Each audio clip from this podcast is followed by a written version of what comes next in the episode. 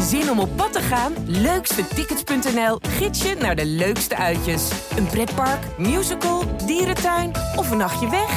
Start je zoektocht op leukstetickets.nl.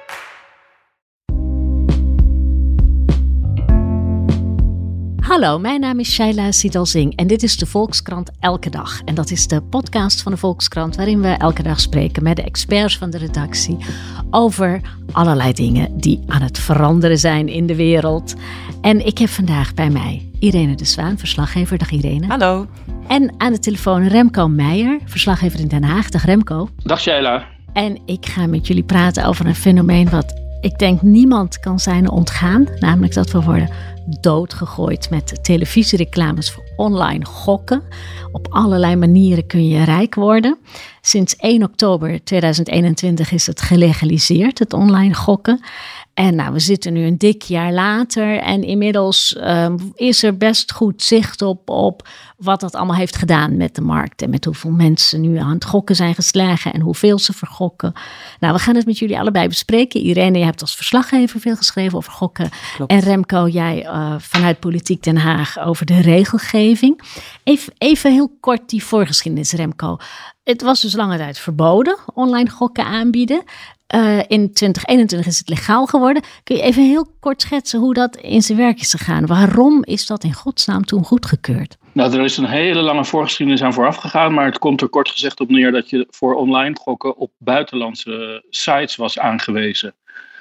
En uh, dat werd toch een beetje gek gevonden, ook omdat de overheid uh, zelf Nederlandse gokbedrijven heeft, hè, zoals Holland Casino.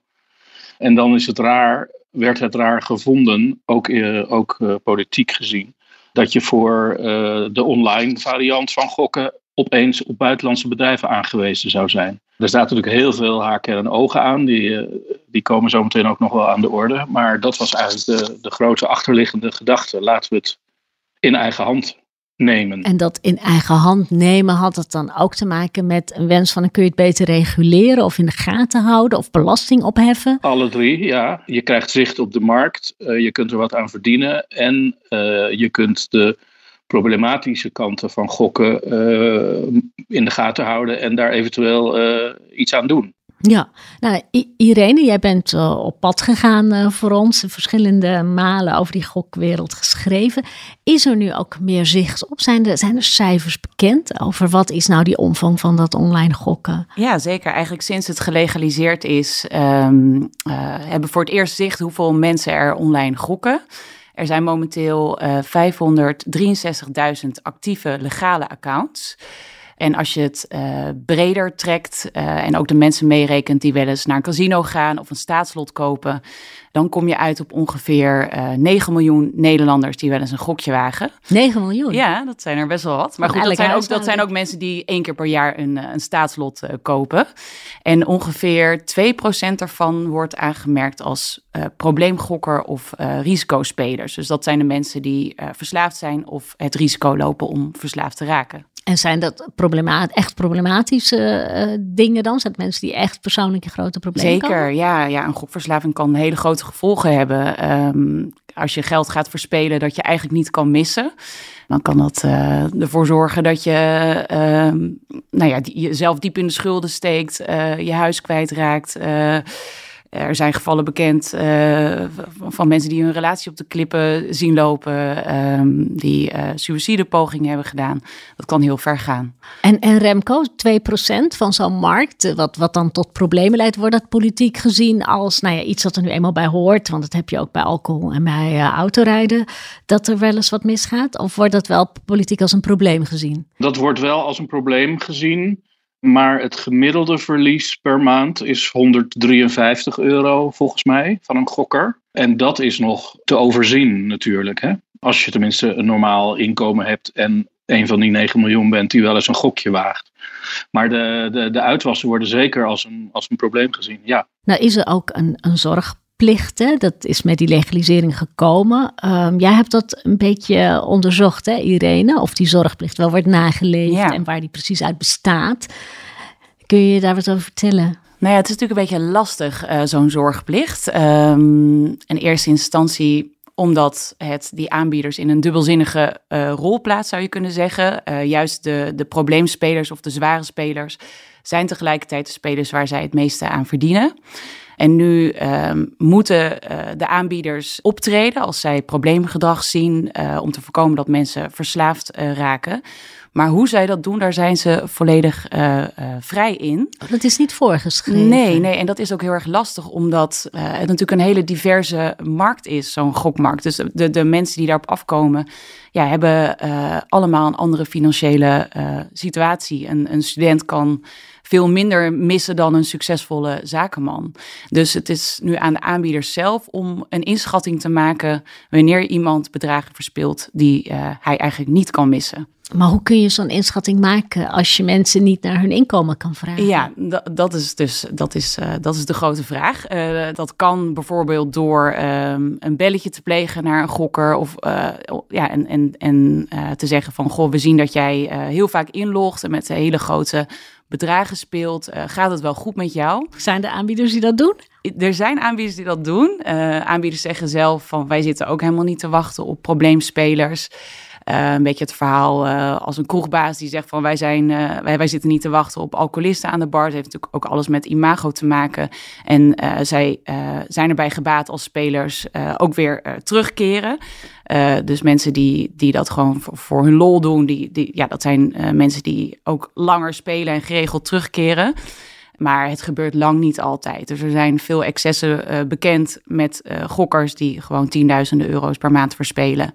En uh, daarbij is niet ingegrepen. En er is er verder helemaal niemand die ingrijpt. Ja, de Tweede Kamer heeft in oktober tijdens het laatste debat over dit onderwerp aan minister Weerwind gevraagd of hij wil onderzoeken of het mogelijk is om wettelijke speellimieten op te leggen. Maar uh, Weerwind uh, gaf daar uh, als antwoord op dat dat een dekselsmoeilijk onderwerp is. Mooi geformuleerd, maar hij heeft wel toegezegd dat hij gaat kijken of er in, in die richting iets, iets te doen is. En waarom is het deksels moeilijk om te zeggen van nou je mag maximaal 1000 euro per maand verspelen? Ja, nou dat heeft dus inderdaad met die privacygegevens te maken. Je moet, meer, je moet dan meer van je klanten weten. En daar zijn allerlei grenzen aan natuurlijk. Het gebeurt in het buitenland al wel. Dat er uh, limieten worden gesteld. Bijvoorbeeld in Noorwegen is het volgens mij ongeveer 2000 euro per maand. Dat spelers mogen vergokken. In Duitsland rondom de 1000 euro. Dus het is wel mogelijk. Het kan wel, en daar hebben ze ook privacywetten die vergelijkbaar zijn met de onze, ja, toch? Zeker, ja. En, het is, en wat je nu ziet is dat aanbieders uh, zelf ook wel uh, vaak al uh, limieten hanteren. En die verschillen heel erg. Bijvoorbeeld Tombola, dat is de grootste bingo-site van Nederland. Daar mogen spelers maandelijks maximaal 2500 opnemen. En bij Holland Casino is dat 15.000 euro per dag. 15.000 euro per dag. En Holland Casino is van de Nederlandse overheid, ja, hè? dat klopt, ja. Maar Remco, het is toch niet deksels moeilijk om bij een casino dat van de overheid is een uh, limiet in te stellen? Nee, dat zou ik ook denken. En vroeger vulde ik wel eens zo'n Toto-formuliertje in met een carbon-doorslag, weet je nog, met die kruisjes. Uh, dan werd het op zondagmiddag voorgelezen door uh, Frits van Turenhout, wat de uitslag was. dat was natuurlijk de onschuldige vorm van gokken. Maar uh, bij zulke bedragen en bij een overheidsbedrijf zou je denken dat uh, de minister toch. Uh, en ook op die buitengelet op die buitenlandse voor, voorbeelden. Ik weet niet of de AVG overal hetzelfde werkt. Maar zou je toch moeten denken, daar is iets aan te doen. Ja, want die AVG, dat is onze privacywetgeving. Waar plotseling van alles niet meer door zou kunnen. hey, en Irene, we hebben de kansspelautoriteit. Dat is eigenlijk de toezichthoudende instantie op deze hele branche. Je hebt gesproken met uh, de baas daarvan, hè? Ja, René Jansen. Ja, en wat, zei hij? Wat zijn zijn instrumenten? Hoe kijkt hij tegen die markt aan? Ik heb met hem teruggeblikt op het afgelopen jaar. Van hoe vind jij nou dat het gaat uh, sinds de markt is gelegaliseerd? Hij heeft daar dubbele gevoelens bij. Uh, hij is enerzijds uh, blij dat nu veel meer Nederlanders bij legale aanbieders uh, gokken. En dat daar dus beter op toezicht op gehouden kan worden. Maar hij zegt ook tegelijkertijd zien we dat die zorgplicht heel vaak niet wordt nagekomen. En de instrumenten die de KSA dan heeft zijn eigenlijk beperkt. zij kunnen boetes uitschrijven. Maar als je dan strikt kijkt naar het schenden van de zorgplicht zorgplicht is dat afgelopen jaar nog niet gebeurd. En dat komt omdat daar nog geen uh, grond voor is geweest. De KSA moet echt kunnen aantonen dat die zorgplicht structureel wordt geschonden. Dus zij kunnen niet op basis van incidenten handhaven. En ja, die bewijslast is gewoon heel erg hoog. En als je dan al een juridische procedure, procedure aanspant, ben je vaak vier à vijf jaar verder voordat je zo'n boete daadwerkelijk kunt uitschrijven. Omdat die gokbedrijven zich uh, enorm verzetten en het echt gaan uitvechten tot, uh, tot aan het hoger beroep. René Jansen zegt, uh, wat we nu vaak doen is dreigen met een dwangsom. en dan zie je wel dat aanbieders heel snel hun gedrag aanpassen. Dus dat is eigenlijk een veel effectiever middel dan een boete. Het klinkt toch wel best wel machteloos dan. Een toezichthouder die niet heel veel kan. Die een beetje kan dreigen en verder niet ja, zoveel. die indruk kreeg ik ook. Ja, ja. En vindt hij dat zelf ook of denkt hij er anders over? Mm, ik denk wel dat hij dat gevoel deelt. Hij heeft dat niet zo met zoveel woorden gezegd, maar ik denk dat het best een frustrerende positie is. Ja. En uh, Remco, is, daar, is, is er vanuit de, de, de Tweede Kamer of wellicht vanuit de regering ook het gevoel dat die kansspelautoriteit misschien met iets meer bevoegdheden moet worden omkleed? Ja, zeker, want er bestaat uh, twijfel aan de effectiviteit van die, uh, van die kansspelautoriteit. Dat is ook uh, aan de minister uh, voorgelegd. Er moeten een aantal dingen uh, de komende maanden nog terugkomen naar de Kamer. Onder andere de reclames natuurlijk, waar we het nog over moeten hebben daar hoort de effectiviteit van die autoriteit ook zeker bij. Want nou ja, die reclames, je noemde het al, daar is al een aanscherping geweest. Hè? Want aanvankelijk na het loslaten uh, mochten allerlei zeer bekende Nederlanders en, en, mensen die heel veel autoriteit genoten in bepaalde kringen, mochten het allemaal aanprijzen. Dat is al aangescherpt, hè? Wesley Snijder is een bijbaantje kwijtgeraakt, inderdaad. Ja. Koning Toto en zo. Koning ja. Toto. Koning Toto. Maar uh, er wordt nog steeds uh, veel reclame gemaakt. Dat hebben we natuurlijk gezien uh, rond het WK voetbal. De tijdstippen zijn wel een beetje aangepast. Hè. Het, moet, het moet na tienen, hoewel dat lang niet altijd gebeurde, viel mij op. En er mogen geen, geen rolmodellen meer in voorkomen. Ja, er wordt gewerkt aan een reclameverbod. Maar ook dat is vrij, ligt vrij lastig. De SP bijvoorbeeld en de ChristenUnie zijn heel fel op dit onderwerp in de Kamer. Maar tegelijkertijd, um, het tegenargument is, je, je, hebt het willen legaliseren, online uh, gokken. Dan moeten mensen ook weten waar ze terecht kunnen, hè? Wat, wat de aanbieders uh, zijn. Dus die aanbieders moeten kunnen, kunnen adverteren. Anders uh, als ga je misschien gewoon op internet in het wilde weg zoeken en kom je toch weer bij zo'n illegale buitenlandse site uh, uit.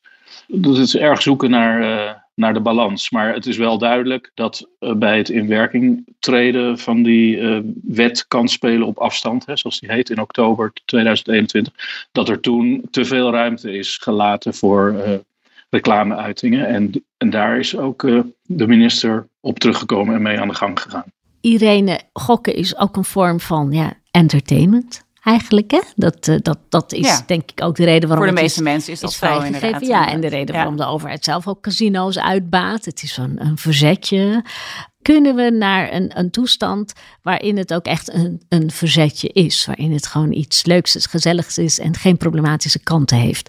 Of moet daar veel meer regelgeving omheen komen? Ja, het lastige is met regelgeving, wat René Jansen ook zei, de voorzitter van de kansspelautoriteit, is dat als je heel erg aan die knoppen gaat draaien, dat met name de zware spelers naar het illegale aanbod zullen gaan. Dus als je bonussen gaat verbieden of al die, alle, al die extraatjes zoals cadeautjes uh, als uh, gratis kaarten voor een pokertoernooi of uh, gratis tickets voor een wedstrijd. Nou ja, dan heb je dus meer kans dat juist die spelers op zoek gaan naar websites waar dat wel gewoon aangeboden wordt. Dus het is uh, ja, een lastige balans. Het is altijd laveren tussen, uh, laveren tussen het legale en het illegale aanbod. Um, dus ik denk dat het ijdele hoop is um, om te veronderstellen dat je nooit, uh, dat, of dat je die hele groep probleemspelers uitbandt. Het is een soort menselijke drift en, en eigenlijk is de overheid op zoek naar hoe ze die drift kunnen kanaliseren. Hè? Ja, ja, het is natuurlijk sowieso uh, wel bijzonder, die hele rol van de overheid. Um, de overheid heeft lange tijd een monopoliepositie uh, gehad op het aanbieden van, van kansspelen. Met de staatsloterij, met Holland Casino.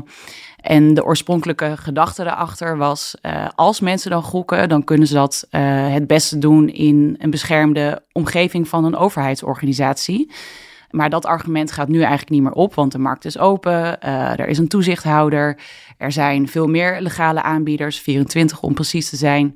En toch zie je dat uh, ook de overheid nu met Toto en met Holland Casino uh, kansspelen uh, aanbiedt. En daar ook grof geld mee verdient. Ja.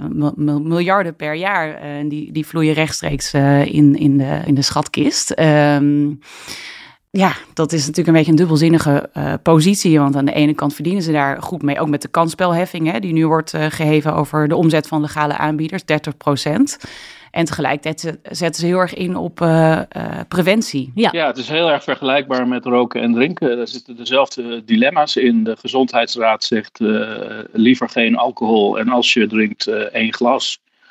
Tegelijkertijd wordt er aan de accijnzen op alles wat er verkocht wordt enorm verdiend voor de schatkist. Dus het is heel, heel dubbel. En wat, wat zeggen verslavingsdeskundigen, Irene? Is er een verschil tussen voor de legalisering en erna in omvang van verslavingsproblematiek of, of diepte van verslavingsproblematiek? Er valt nog niet heel veel over te zeggen, want het is altijd een incubatietijd. Dus het is niet zo dat uh, die wetswijziging um, ja, zich nu al uit in de vorm van mensen die aankloppen bij de klinieken. Uh, maar ze maken zich wel heel erg zorgen, met name over de groep jongvolwassenen tussen de 18 en de 23 jaar. Want uit de cijfers van de kansspelautoriteit is ook gebleken dat zij uh, bovengemiddeld actief zijn op goksites. 20% van die accounts is in handen van een jongvolwassene. Dat zijn um, nou ja, eh, mensen eh, bij wie de hersenen nog niet helemaal vergroeid zijn en eh, die dus sneller impulsieve beslissingen nemen en dus ook meer risico lopen om verslaafd te raken. En ook met die, de, ja, de enorme overvloed aan reclames die we hebben gezien, uh, is natuurlijk meer aandacht gekomen voor gokken. En zou het dus goed kunnen dat die uh, groep probleemgokkers is toegenomen.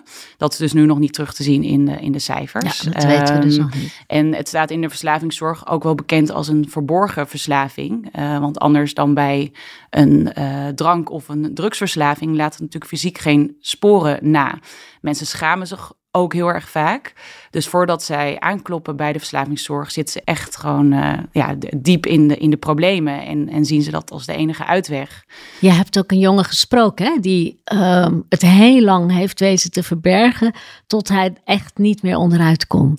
Ja, een jongen van, uh, nou, hij was 29 toen ik hem sprak, maar hij begon met gok op zijn zestiende. Uh, nou, wat Remco net ook al zei, je, dat begint vaak onschuldig met een, uh, met een kraslot. Um, hij deed een mbo-opleiding. Heel veel jongens uit zijn klas deden wel eens aan de sportweddenschappen. Het was eigenlijk een, een sociaal ding, daar werd over gepraat in de klas. En op een gegeven moment ging hij ook steeds meer online gokken en ook zelf gokken in zijn eentje. En dat is toen helemaal uit de hand gelopen. Zelfs uh, tot op een punt gekomen dat hij geld van zijn werkgever heeft verduisterd. Echt tienduizenden euro's heeft vergokt. Ja, dat, dit soort verhalen hoor je. Dat, dat zijn natuurlijk wel de uitwassen, maar uh, ja, het, en het, komt dus en het komt dan pas uit als het bijvoorbeeld uitkomt dat het geld verduisterd is of dat je echt geen enkele ja, rekening meer kan betalen. Uh, hij is tegen de lamp uh, gelopen. Ja. Ja. Deze jongen zat op het dieptepunt van zijn verslaving toen de markt werd gelegaliseerd. Dat is wel interessant, want je vraagt je af van nou, wat heeft dat dan voor hem voor verschil gemaakt? Ja, in zijn geval eigenlijk heeft dat geen verschil gemaakt. hij um, is gewoon verder gaan gokken. Er is nauwelijks contact met hem opgenomen vanuit de aanbieder. Van dus gaat het wel zorg, goed met je? Die zorgplicht. Die zorgplicht werd niet nageleefd. Nee. Hij kon uh, bij Bad City, dat is een van de grootste aanbieders, kon hij in twee maanden tijd 40.000 euro vergokken. Toen heeft hij zelf aangeklopt bij de aanbieder via een chatgesprek gezegd van, nou, dit gaat te ver, ik wil mijn account opheffen. En hun reactie was, jammer dat je gaat. Dat is toch wel een hele vrije invulling van de zorgplicht, Remco. Zo heeft Den Haag dat niet bedoeld, denk ik. Dat denk ik niet, nee. nee. Wat zijn nu de politieke meerderheden? Want je noemde net al een aantal partijen, ik geloof de SP en de ChristenUnie, die heel fel zijn. Die willen echt al die reclames bijvoorbeeld verbieden. Maar de, de, de meerderheid, wat, wat vindt die? Van nou ja, gok is een gebbetje, het moet wel kunnen als we het een beetje reguleren. Of, of, of, of vindt, heeft men een beetje spijt nu? Voor dat uh, reclameverbod is denk ik wel een meerderheid. Want daar zit natuurlijk ook D66, GroenLinks, uh, CDA, denk ik ook wel uh, in die richting. Maar met name bij de VVD zijn er toch steeds uh, reserves van niet, ja, niet de teugels al te strak aanhalen. Je hebt ook nog het voorbeeld van bijvoorbeeld sponsoring, hè? dus van evenementen en op, op shirtreclame en zo Daar is nu een overgangstermijn van twee jaar voor afgesproken. Oh, dat is een hele lange overgangstermijn. Ja, dat is een hele lange, want er zijn dus in die tussentijd alweer nieuwe contracten afgesloten, bijvoorbeeld tussen NAC Breda en Unibed. En dat is dus uh, waar het allemaal een beetje dubbelhartig is. Van uh, ja, we willen strenger zijn, we willen die zorgplicht nakomen, maar tegelijkertijd uh, moeten we ook naar de economische aspecten kijken en naar de, ja, als je een groot evenement organiseert jaarlijks met een sponsor uit die hoek en dat mag opeens niet meer, dan zou je evenement wel eens kunnen verdwijnen. Dus dan kwamen ze weer uit op zo'n overgangsperiode van twee jaar. Oké, dus er is ook wel heel veel begrip voor de financiële kant van de zaak. Ja, zeker. En, en betutteling, speelt dat nog een rol? Want dat hoor je wel vaak in, in VVD-kringen. Van ja, maar moeten mensen ook niet te veel hun pleziertjes ontnemen? Oh ja, dat speelt zeker ook een rol. Ja, dat is natuurlijk met, uh, ja, we hadden het net over roken en drinken. Uh, ja, hoe, hoe moralistisch moet de overheid zijn? Hè? Dat is natuurlijk steeds... Uh, een terugkerende vraag. En voor de goede orde, uh, het is nu al verboden om gokreclame te maken voor jongvolwassenen. En uh, Toto, staatsonderneming, heeft onlangs een boete gekregen van 4 ton.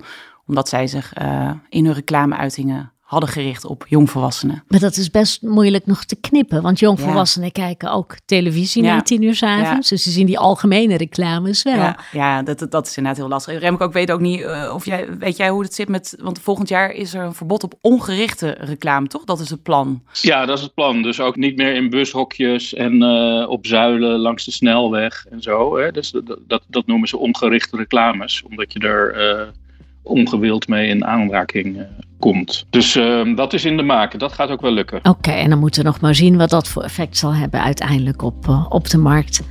Nou, dank jullie wel allebei. Dankjewel Irene en dankjewel Remco voor dit mooie overzicht over de gokmarkt. Graag gedaan.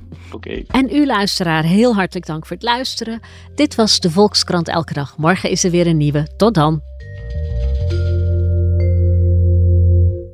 Op zoek naar een auto?